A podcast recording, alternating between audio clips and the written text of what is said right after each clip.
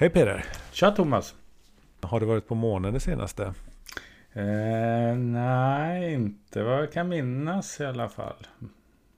Det är populärt resmål just nu. Ryssland har kraschat in i Sydpolen på månen och Mm. Indien har landat. Mm. Indien gjorde det bra i alla fall. Mm. De kanske inte snor pengarna lika mycket som ryssarna gör till sitt rymdprogram. Nej, har, Som jag förstår det så handlar det om att bygga en, en framtida bas och säkra vatten då som ska kunna finnas på Sydpolen på månen. det är väl en förutsättning för att kunna bygga en gruvindustri tror jag. Så det Mm. finns mycket, många ämnen på månen som man vill eh, mina. Vet du vad, något mer om det? Vad är det för ämnen som de har där då? Det var en bra fråga sådär på rak arm. Mm. Är Det väl någon form av helium också har jag för mig. Man vill åt. Som Helium? inte är så vanlig på jorden. Mm. Helium 3 är det. Mhm. Mm. Och vad innebär helium-3 då? Det innebär att du kan prata som kalanka aliens. Därför är det så Okej, eftertraktat. Nej då. Mhm. Men vad är det? Det är en eh, lätt stabil isotop av helium med två protoner och en neutron. Och vad använder man det till? Jo, det använder man till energi. Det är en icke-radioaktiv isotop som är idealiskt bränsle för att operera en fusionsreaktor. Aha. Så där ser man man. tillbaka med det till jorden då eller? Ja, eller så har du en jättebra energikälla för det du bygger på månen. För de vill väl ha månen jorden. som eh, bas för uh, ytterligare rymdfärder va? För att om du slipper, om du ska ut i rymden Mm. så kostar det ju en jäkla massa energi att ta sig ur, ut från jordens Atmosfär. gravitation. Så Ja, om du kan precis. starta från månen så blir det mer effektivt eller? Ja, du har inte samma luftmotstånd heller. Så. Just det. så absolut. Och sen är det bra att ha en egen energikälla. Det kanske inte funkar med solenergi hela tiden. Just det. Ja, i alla fall. Ryssland kraschade i, på Sydpolen den eh, 20 augusti tror jag det var. Och sen så fick då en rysk rymdchef hjärtattack i cita, inom citattecken. Eh, och sen fick en annan rymdchef, eh, han drabbades av svampförgiftning inom citattecken. Det är ju lite typiskt ryskt så. Så att... ehm, Men de kanske hade fina båtar och fina hus. Kan det vara dit pengarna försvann kanske? Ja, nej, ja, det, i och med att de kraschade tror jag väl det var det, eller? Det lär det vara. Men pengarna som kanske skulle ha gått till att forska och bygga ordentligt. Kanske gick till fina hus och fina båtar istället. För att gå till dit de ska. Skruv. De hade, Ja, hade inte precis. några skruv kvar. Nej, men de hade mycket silvertejp. Eh, Det finns ju ingen anledning att tro att det inte är FSB och Putin som ligger bakom eh, den eh, påstådda hjärtattacken och svampförgiftningen. Eller så var det väldigt speciella självmord för att de var deprimerade. Det kan man ju också tro. Ja, det är bara sån timing jämt när det händer något sånt i Ryssland och cheferna dör, försvinner, ramlar ut från fönster hela tiden. Det har varit väldigt mycket sånt i Ryssland eh, senaste tiden såklart. Men heja Indien då. Mm. Ja, faktiskt. Det var imponerande.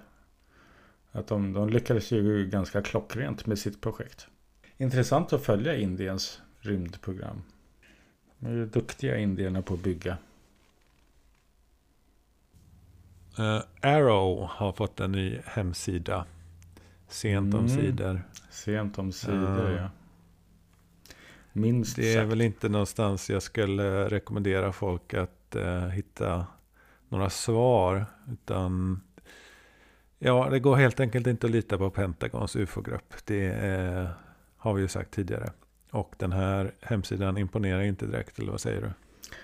Nej, den är väl ganska halvfattig. Sen har man väl lagt ut bara sånt som man egentligen har visat eller gammalt material. Och, Så det är väl egentligen ingenting nytt om man funderar på det. Eh, utan det är de här videoserna som Sean Kirkpatrick har visat upp tidigare eller har visats upp tidigare i olika typer av utfrågningar. Efter mycket påtryckande så har de väl varit tvungna att släppa någonting för den är väl är den ett eller två år försenad? hemsidan. Och jag menar så svårt är det inte att bygga en hemsida idag. Nej, vi ska ju prata om eh, uh, Mexiko här lite senare. Vad som hände där. Det var lite annorlunda än Aeros hemsida. Men vi meddelar att den finns i alla fall. Men mm. som sagt var, det är inte där som det kommer presenteras något uh, vidare. Du, tanken slår mig förresten. NASA, har de släppt någonting idag? Nej, den 14 så det börjar imorgon. Och de kommer släppa på sin hemsida tror jag en... Kan det vara en halvtimme eller en timme innan utfrågningen eller presskonferensen eller vad det ska bli för något. Så var det med det. Ja, månen kommer nog vara en intressant plats att följa framöver för hela världens olika rymdprogram. Som en mellanlandning upp till Mars också. Just det. Och nu när man har Elon Musk och Starlink. Alltså då har du internet redan i rymden. Som gör att kommunikationen kommer funka mycket bättre också. Mm. Mm-hmm. Skjuter den internet ut i rymden också? Ja, den kan ta emot. Så den kan då bli en, vad ska man säga då, som en förlängare av internettrafik eller kommunikationsvägar. Så det borde ju betyda att man kan ha mycket bättre videolänkar, hoppas jag. Just det.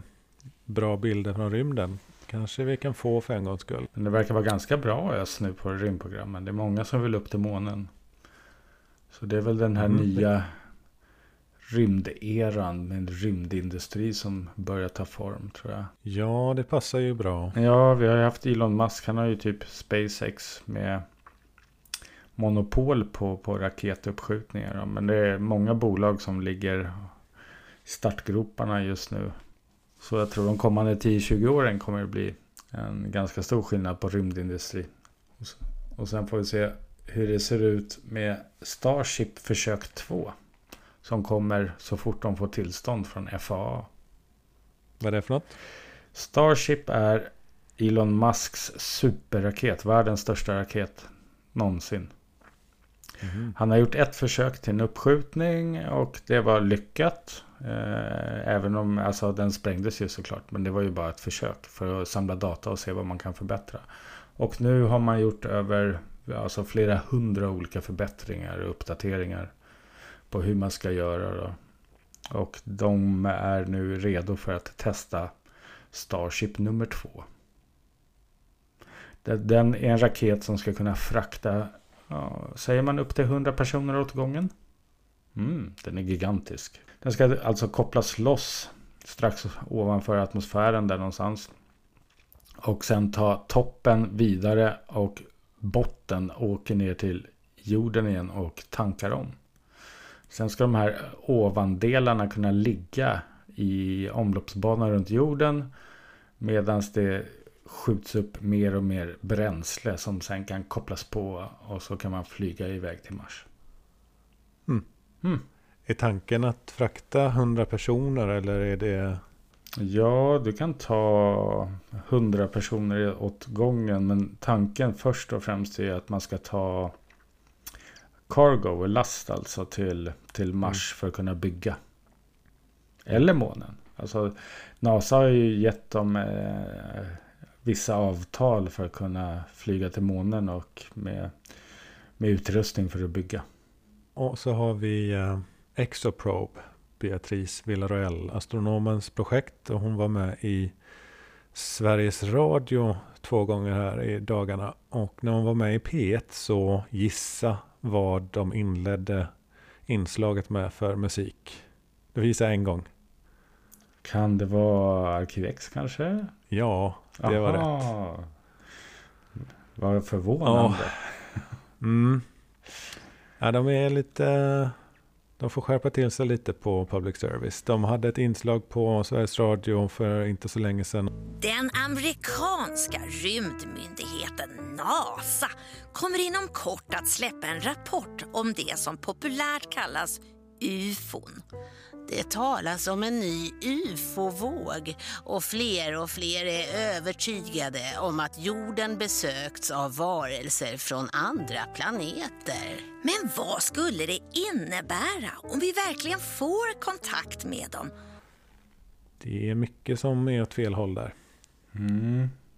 Man väljer den skeptiska intetsägande vägen mer.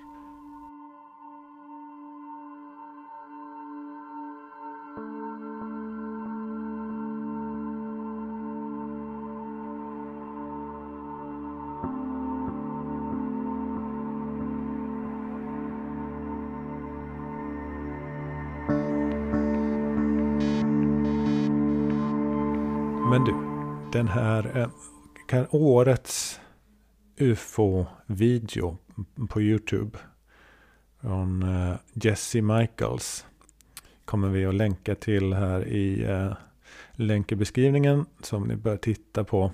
Men det är ju en fantastiskt bra och djuplodande video med bland annat då en ny intervju med David Grush. Bara det måste man se.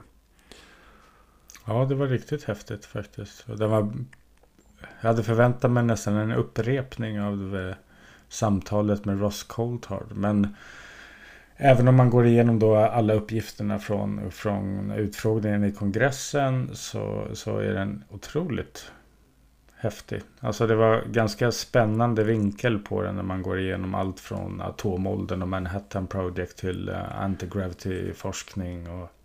Jo, Grush berättar då att eh, han fick det där uppdraget om att vara med i UAP Task Force och eh, NROs vägnar. Och han blev då kontaktad av eh, vänner som han kallar det från andra delar som han inte hade någon aning om. Eh, visst, eh, han visste inte om att de pysslade med sånt där. Eh, men de berättade om att de ville ha förändring. Det handlade om eh, att de var inblandade i de så kallade legacy programs. Alltså de gamla programmen från Roswell och framåt. Där de har försökt knäcka teknologin med mera. Och de berättade att de vill ha förändring om de blivit, eh, blivit dåligt behandlade och det var inskränkt. De kunde inte ta in folk. Det var så mycket hemlighetsmakeri och eh, eh, stuprörsmentalitet. Och också någon form av samvetesfråga då om att det här hålls hemligt. Han kan inte säga vilka de högsta, högst rankade namnen han pratat med. Men han sa att det skulle blow your mind om ni visste vilka som faktiskt har eh, kännedom om det här. Mm. Och de har då uttryckt sig om att det måste skyddas till varje pris. Och det vet jag inte riktigt vad han menar. De här personerna som har höga positioner och bestämmer om det här. Vad de menas med att det måste skyddas till varje pris. Om det är fortfarande är mentaliteten så kan det ju vara lite illavarslande. Mm. Det låter ju mindre trevligt. Eh, Mm. För de som försöker komma ut med information och bevis. Och en annan sak det är att eh, Corbell har ju hävdat nu i de- deras senaste podd tror jag det var, Weaponized, att det var de som fick fram Grush. Att det var han och Knapp som fick fram Grush. Eh, Det säger Ross Colt att det är skitsnack. Ja, det verkar väl som att de hade träffat honom på något konvent eller vad det var. Tror jag snackat med honom.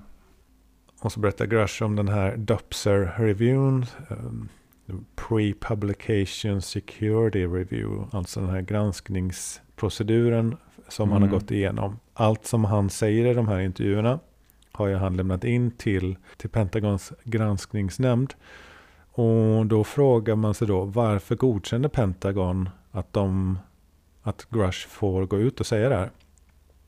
Och då berättar han att det blir en, som en catch 22, en eh, moment 22.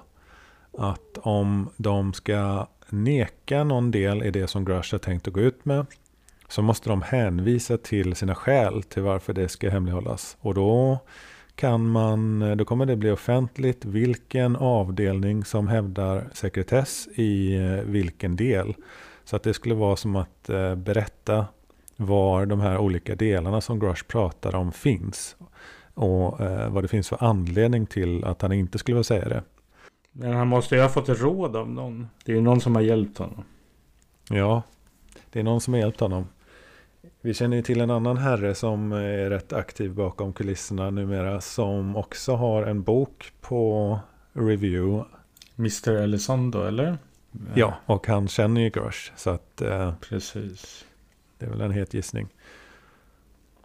Grush Ja. berättar övrigt att eh, hans uppfattning om mörkläggningen är att det var då på 40-50-talet att man hade mycket förtroende för militären och att religiositeten spelade en stor roll och att man inte hade någon riktig plan för disclosure. Och det är säkert eh, ja, den troliga huvudförklaringen. Men sen så finns det en hel del annat. Jag vet inte om vi ska ta upp alla. Men är det inte också lite, det kan också vara lite, alltså konservativa människor har ju också alltid en känsla av att det ska alltid vara som det alltid har varit. Förändring är dåligt. Ja, det finns en, eh, det finns en lång lista med goda skäl. Eh, bland annat hände det rätt mycket 69 när Blue Book lades ner och eh, det var mycket annat som lades ner då också efter eh, NASA hade undersökt vad man trodde skulle vara vad det skulle få för konsekvenser att berätta om eh, den utomjordiska närvaron eller non-human om man så vill. Men de skälen kan vi återkomma till i ett senare avsnitt. Mm. Sen tror jag väl inte att det blev mycket bättre av när folk trodde att det var på riktigt när Orson Welles höll sin radioteater. Nej, precis. Det har vi nog nämnt några gånger, ja. Mm. Det var lite som ett eh, test kan man säga. och det slutade med dödsfall i Sydamerika. Så att, eh, men det har vi pratat om många gånger förut men eh, vi kommer att nämna det igen. Skälen till mörkläggningen. Det är många som frågar sig som kanske Ja, det är många kanske som kommer in i ämnet nu med Grush-storyn som frågar sig varför har de inte berättat det här? Och det är en lång historia helt enkelt. Mm. Och det är lite som att de har gjort en, de har gjort en eh, struts av en kyckling. Det är, det är lite förminskande att säga eh, hörna av en fjäder. Men eh, de har gjort en struts av en eh, fink. Känns det som. Ja, det är väl Livrem, hängsle, fallskärm och allting samtidigt. För något kan ju bli fel kanske. Någonstans är det någon som blir knäckt. Och, ja, man måste titta på den här videon som sagt var. Men några poänger till som vi kan diskutera det här.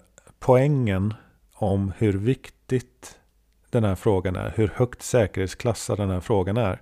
Den framgår väldigt tydligt av Jesse Michaels video. Eh, han är väldigt duktig. Det var mycket detaljer om hur eh, Manhattan-projektet flöt in eh, över UFO-frågan och hur samma personer som var inblandade i Manhattan, alltså framtagandet av den första atombomben, det projektets säkerhetsklassning och struktur för hemlighetsmakeriet, den lades över UFO-frågan.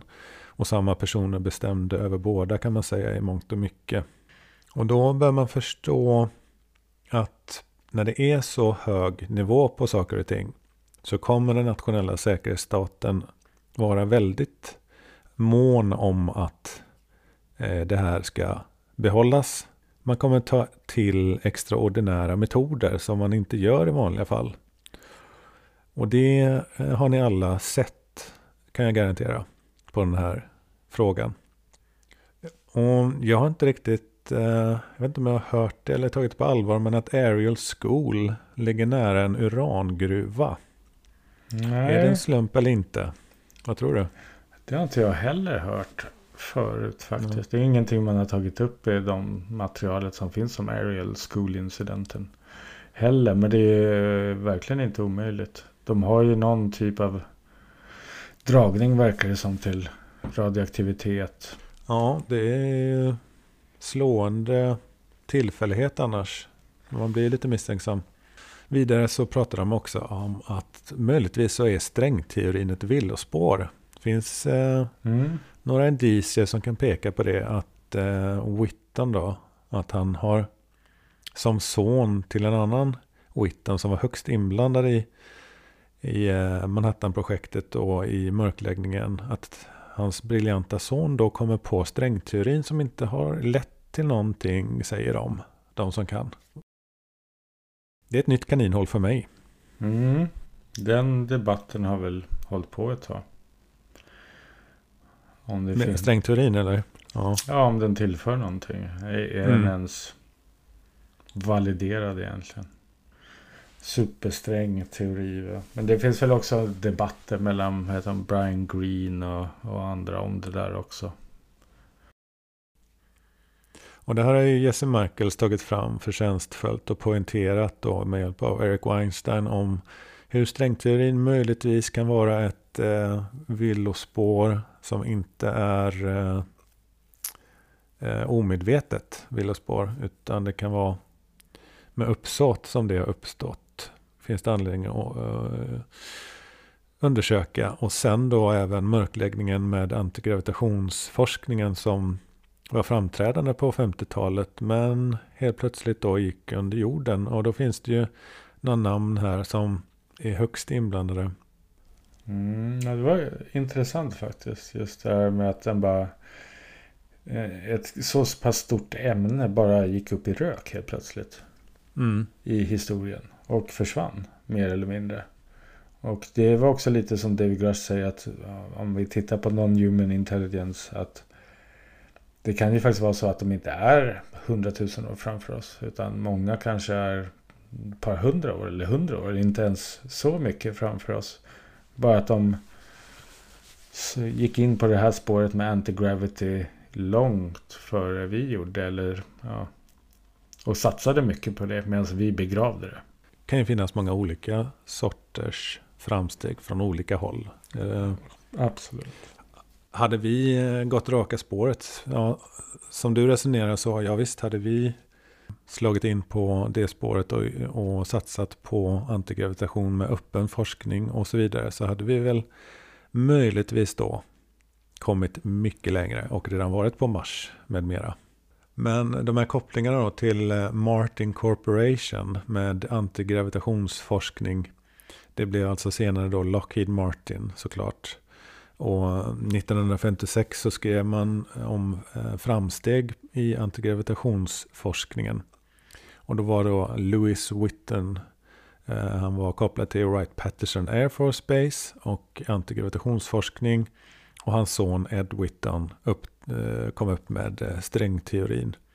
Och då är det mycket forskning på det vi känner till sedan innan om den här kompositionen med eh, mikrontjocka lager av bismut, zink och magnesium. Mm, mm. Där har vi det igen. Från den lilla delen Hal Puthoff pratade om som de hade fått från Linda Moulton Howe de så kallade Arts Parts. Mm. Alltså radiolegenden Art Bell fick sänt till sig av en eh, sonson till någon som var inblandad i Roswell. Det här är då, eh, har väl mer eller mindre varit en legend. Eller det är inte alla som har trott på det här eller tagit de här delarna på allvar kanske. Det har påståtts både det ena och det andra tokiga, konstiga bortförklaringar. Men i alla fall, Art Bell fick det där i och med att han var eh, radio... Personen nummer ett som tog eh, UFO-frågan på allvar med sitt Coast to Coast som finns kvar än idag. Eh, och sedan köpte Linda Moulton Howe delar av dem och eh, sen hamnade de, sålde hon det vidare till Bigelow under ASAP tiden så skulle Bigelow Aerospace testa de delarna och de gick till armén. Och därifrån har man fått resultaten. Eh, och då har eh, dels har Halpudoff presenterat dem. Vi har länkat till den föreläsning i något väldigt tidigt avsnitt. Eh, där Halpudoff berättar om de här metamaterialen som inte finns någon förklaring på. Och det är ju fysisk bevis på icke-mänskligt skapade material från ufo-krascher för allt vi vet. Det är fortfarande ingen som kan förklara var det där kommer ifrån. Senare då så Anthony Bragalia har gjort en FOIA request, alltså han har begärt ut handlingar om de här materialen. Om just det här materialet fick han ut papper. Eh, allmänna handlingar om vad OSEP sysslade med, med de här materialen. Så det där är ganska väl kartlagt om de här eh, art parts, vad det är för något och hur eh, de är uppbyggda och bra teorier från Puraf och Company om att de har någon form av, eh, visst är det så att de ska ha någon form av eh, waveguide, någon slags resonans. Precis. De ska ha en resonans och förstärka den så att energin det skjuter in förstärks enormt. Det är den bästa förklaringen och den är väldigt bra. Den är väldigt mycket saker som talar för den. Om man ska ta sig hit från andra solsystem så behöver man nog ha någonting, eh, någon teknik som kröker rumtiden så man kan åka lite fort utan att begränsas av hur mycket gas man kan skjuta ut åt ena hållet. Nej, det blir jobbigt då att kämpa mot ljusets hastighet om du ska trycka ut den energin bakom dig för att föra din massa framåt.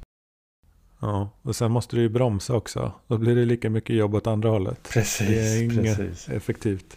Och sen kanske om du åker på en tur och kommer hem så är alla du känner många hundra år äldre än dig. Det problemet slipper man väl i och för sig inte. Eh, med vilken teknik man än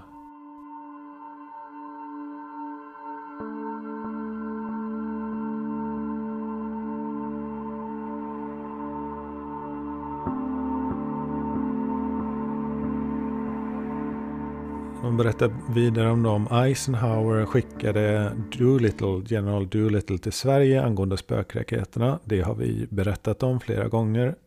När Doolittle kom tillbaka till USA så var han med och grundade Lindbergh Foundation. Alltså Charles Lindbergh.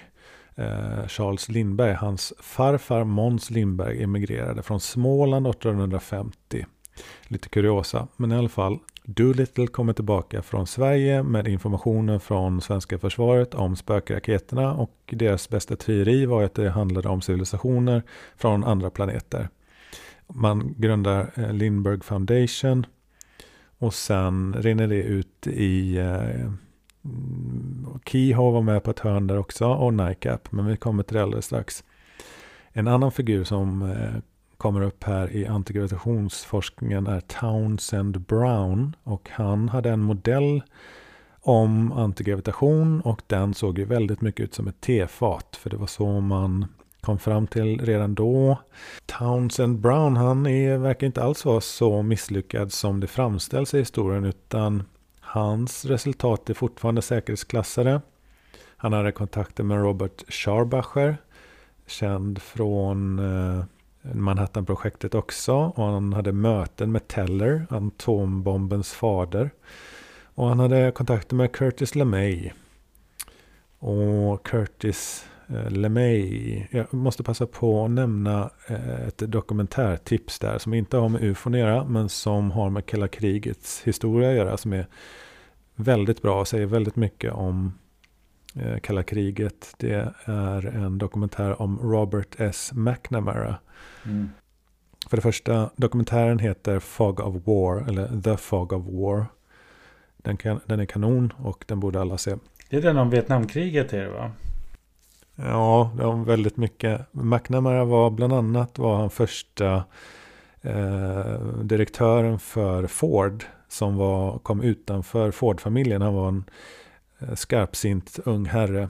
Och efter det så blev han då eh, rådgivare till till John F Kennedy och till Robert Kennedy. Så han hade en inblandning i nästan, ja, väldigt mycket av det som hände under kalla kriget. Så hade Robert McNamara en, ett finger med i spelet och en av de viktigaste personerna i, under den här eran. I den här dokumentären Fog of War kallar han Curtis LeMay för Bombs Away LeMay. Curtis Bombs Away LeMay. För det var ju LeMay som bombade Hiroshima och Nagasaki och tog besluten där och ville sedan, han var mycket för att bomba Sydostasien sen också under kalla mm. kriget. Det kan man ju säga. Och just det. LeMay var också den som eh, nekade Goldwater. Uh, han var, Goldwater var presidentkandidat mot Nixon tror jag va? Nu minns jag inte om det var 64 men det kan ha varit det. Så då var ju Goldwater frågade i egenskap av presidentkandidat på den nivån om eh, Blue Room, uh, The Blue Room under Wright Patterson Air Force Base. Och då var det ju Curtis LeMay som nekade honom att uh, ens prata mer om det ämnet. Och det är ju då samma gäng som styr över kärnvapnen som bestämmer om UFO-frågan. Ytterligare ett exempel på det. Jo, uppstarten av NICAP. Donald Kehoe, hjälten, han var vän med Charles Lindbergh. Eh, så då startades, det här är ju samma, samma gäng av skara av människor. Kehoe var med och startade NICAP. Kehoe var även klasskamrat med Roscoe Hillenkotter. CIAs första eh, direktör. De hade gått eh, i samma klass någon gång i Indianapolis eller vad det nu var. Så det är en liten skara människor där som har haft väldigt mycket inflytande på de här viktiga mm. frågorna. Så Hillenkotter är första direktören för eh, CIA och även med som styrelsemedlem i NICAP. Ja, det ser man. Man kan väl säga att NICAP var lika seriös som infiltrerad.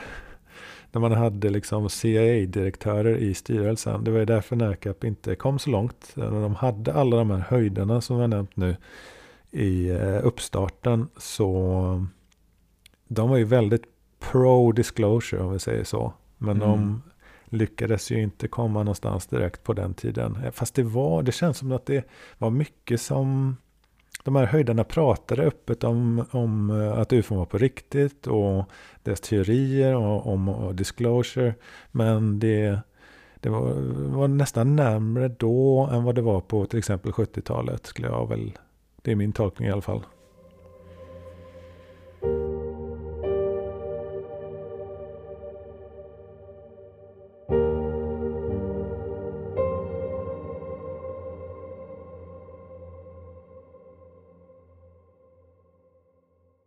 Jo, sen har jag lite invändningar om videon.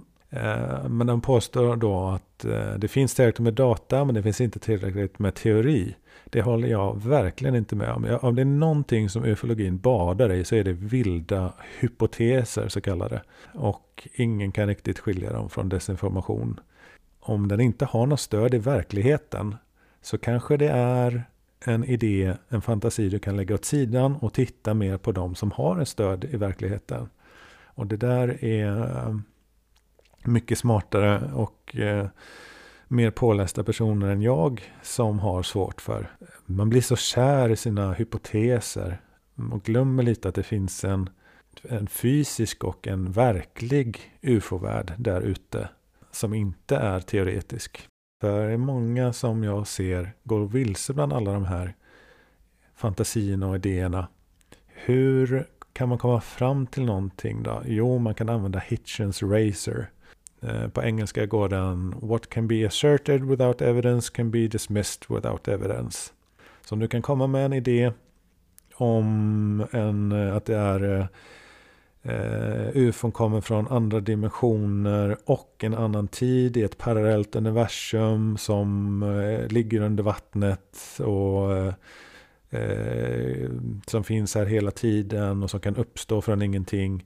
Alla sådana här vilda teorier man hör om. Om du inte har något stöd för den så kan den avfärdas utan stöd.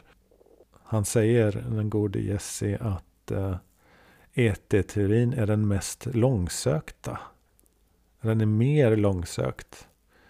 Kommer återigen in på att det är konstigt att de ser ut som vi då, att de är humanoider, att de har huvud, axlar, knä och tå som vi har. Alltså mm. att de har armar och mm. en kropp mm. och ben och huvud. Eh, det var hans invändning till varför ET-teorin eller ET-hypotesen skulle vara mer långsökt. Och det vill jag hävda är en effekt av gaslighting som är en effekt av den psyop som finns. En sofistikerad desinformationskampanj som Grush har kallat den. Och den är väldigt utbredd. Och om du inte kan peka på den sofistikerade desinformationskampanjen, då är du troligen påverkad av den. Är det ologiskt att utomjordingar som kommer från en annan planet, planetvarierade personer, varför skulle det vara ologiskt att de blir humanoida? Hur ser du på det? Mm, jag ser det som ganska logiskt. I alla fall om det arbetar i en kol och luftbaserad värld och atmosfär. Att man eh, har två armar, två ben, Det är ett ganska smidigt sätt att ta sig runt på. Hantera verktyg. Eh, agera liksom runt om i sin miljö. Skulle jag ha 14 ben så skulle jag tycka kanske att det var lite jobbigt att eh, klä på mig eller sitta ner i ett farkost eller liknande. Så jag tror det är en ganska optimal fysisk form i den miljö vi finns och lever i. Kanske inte om jag bor i en havsbaserad miljö eller en annan typ av miljö. Men om jag ska kunna interagera med min omvärld så behöver jag ju ha verktyg. Fysiska verktyg i min så kallade kropp. Då tror jag den humanoida formen är ganska optimal. Om snarare tvärtom. Jag skulle bli förvånad om det inte var en humanoid kropp. Det håller jag fullständigt med om. Sen kanske För... det självklart finns. Men jag skulle då bli förvånad. Det kanske finns sådana exempel. Men vi utgår då från att det livet vi pratar om. Som vi vet kan uppstå på planeter. Det måste ju ha en fysisk kropp. I alla fall från början. Och då är frågan vilken form kommer att evolvera sig fram då för att bli tillräckligt intelligent? Ja, om man tar jorden som exempel. Så till exempel vår huvudform. Du hittar ju knappt några djur som, har, som är i alla fall lite intelligenta. Som inte har ett huvud med en panna, två ögon, näsa, mun. Det ser du på ormar, fiskar, alla däggdjur. Så den verkar ju ganska given. Och sen då om vi förutsätter att det blir svårt att utveckla någon större civilisation och teknik under vatten så är det då på land som gäller. Och titta då på alla de intelligenta djuren eh, som har evolverat i miljarder år. På många på varsitt håll också i många miljoner år. Helt på sina egna håll som ändå kommer fram till en kråka. Den har samma huvudform, det är samma basic form. Den har två ben och den har två armar som blir vingar. Du har alla däggdjur, ställer du dem på bakbenen så är det exakt samma humanoida form. Ehm, så om det inte vore ett vinnande koncept, den här konstitutionen av en kropp, så skulle ju det evolveras bort från den här kroppskonstitutionen på jorden. Men det ser vi att det gör det inte, utan det blir bara olika former av en gepard, en eh, fågel, en elefant. Om du ställer dem på bakbenen så är det samma basic form, alltså vinner den ju i längden, det är helt klart. Och att eh, och sen, men varför skulle det se likadant ut på en annan planet? Ja, vad är det som kan skilja då? Okej, okay. det biologiska livet kanske är baserat på annan kemi eh, så kroppen måste ju ändå finnas där, men den har en annan kemi. Men det är inte logiskt att det skulle påverka kroppskonstitutionen, vilken kroppskonstitution som skulle vinna i slutändan, bara för att den har en annan typ av biologi eller annan kemi baserat på kisel. Det, det är ologiskt. Det kanske kan vara så, men det är mer logiskt att det är samma basic kroppskonstitution som vinner evolverar fram oavsett själva kemin i kroppen. Ja, precis, precis. Och det är ett argument. Vad, vad säger du om det? Alltså, det som kan skilja på en annan planet, det är då kemin. Atmosfären, G-krafterna. Men hur, du måste ändå ha ett sätt att interagera med din miljö oavsett. Liksom. Jag tror inte jag gör det som en manet tror jag att jag har svårt att bygga någonting. Och evolvera framåt. I konstruktion. En manet ja. Ja, precis. Den får ha någon form av uh, annorlunda verktyg. Uh, som passar den. Kanske tele telekinesi eller något liknande. Då. Men, uh, då, då som sagt, då skulle jag bli förvånad. Och ja. överraskad. Nej men det är nog så folk tänker. Att varför är det inte bara liksom en, en manet på land, en blob en intelligent blob mm. som åker omkring. Det är alltid Men, intressant i sådana här Många sådana här skräckfilmer eller någonting när det kommer rymdvarelser eller någonting. De är alltid något konstigt monster eller primitiv ja. livsform som äter upp allt och alla. Liksom. Ja, det är nog mer våra dåliga fantasier. Mm.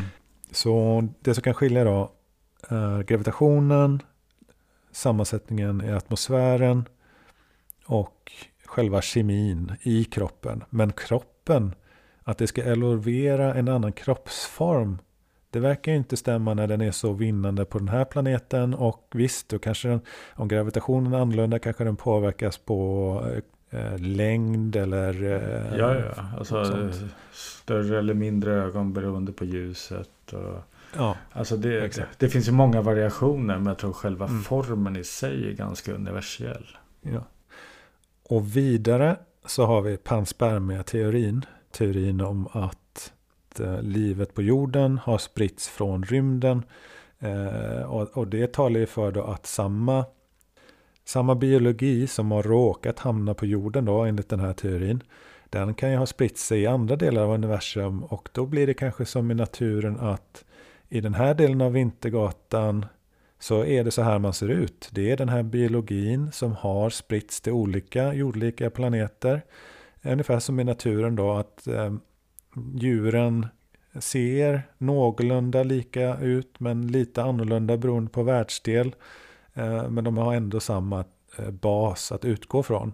Och enligt panspermia-teorin, oavsett om den är sann då eller inte, så talar ju den då för att det är samma typ av byggstenar och DNA som har spritts. Och då är det ju också logiskt att det blir humanoider i slutändan. Den tredje argumentet för att det, det inte alls är konstigt att eh, planetvarierade personer eh, skulle se ut som oss, alltså vara humanoider, det är att vi är släkt.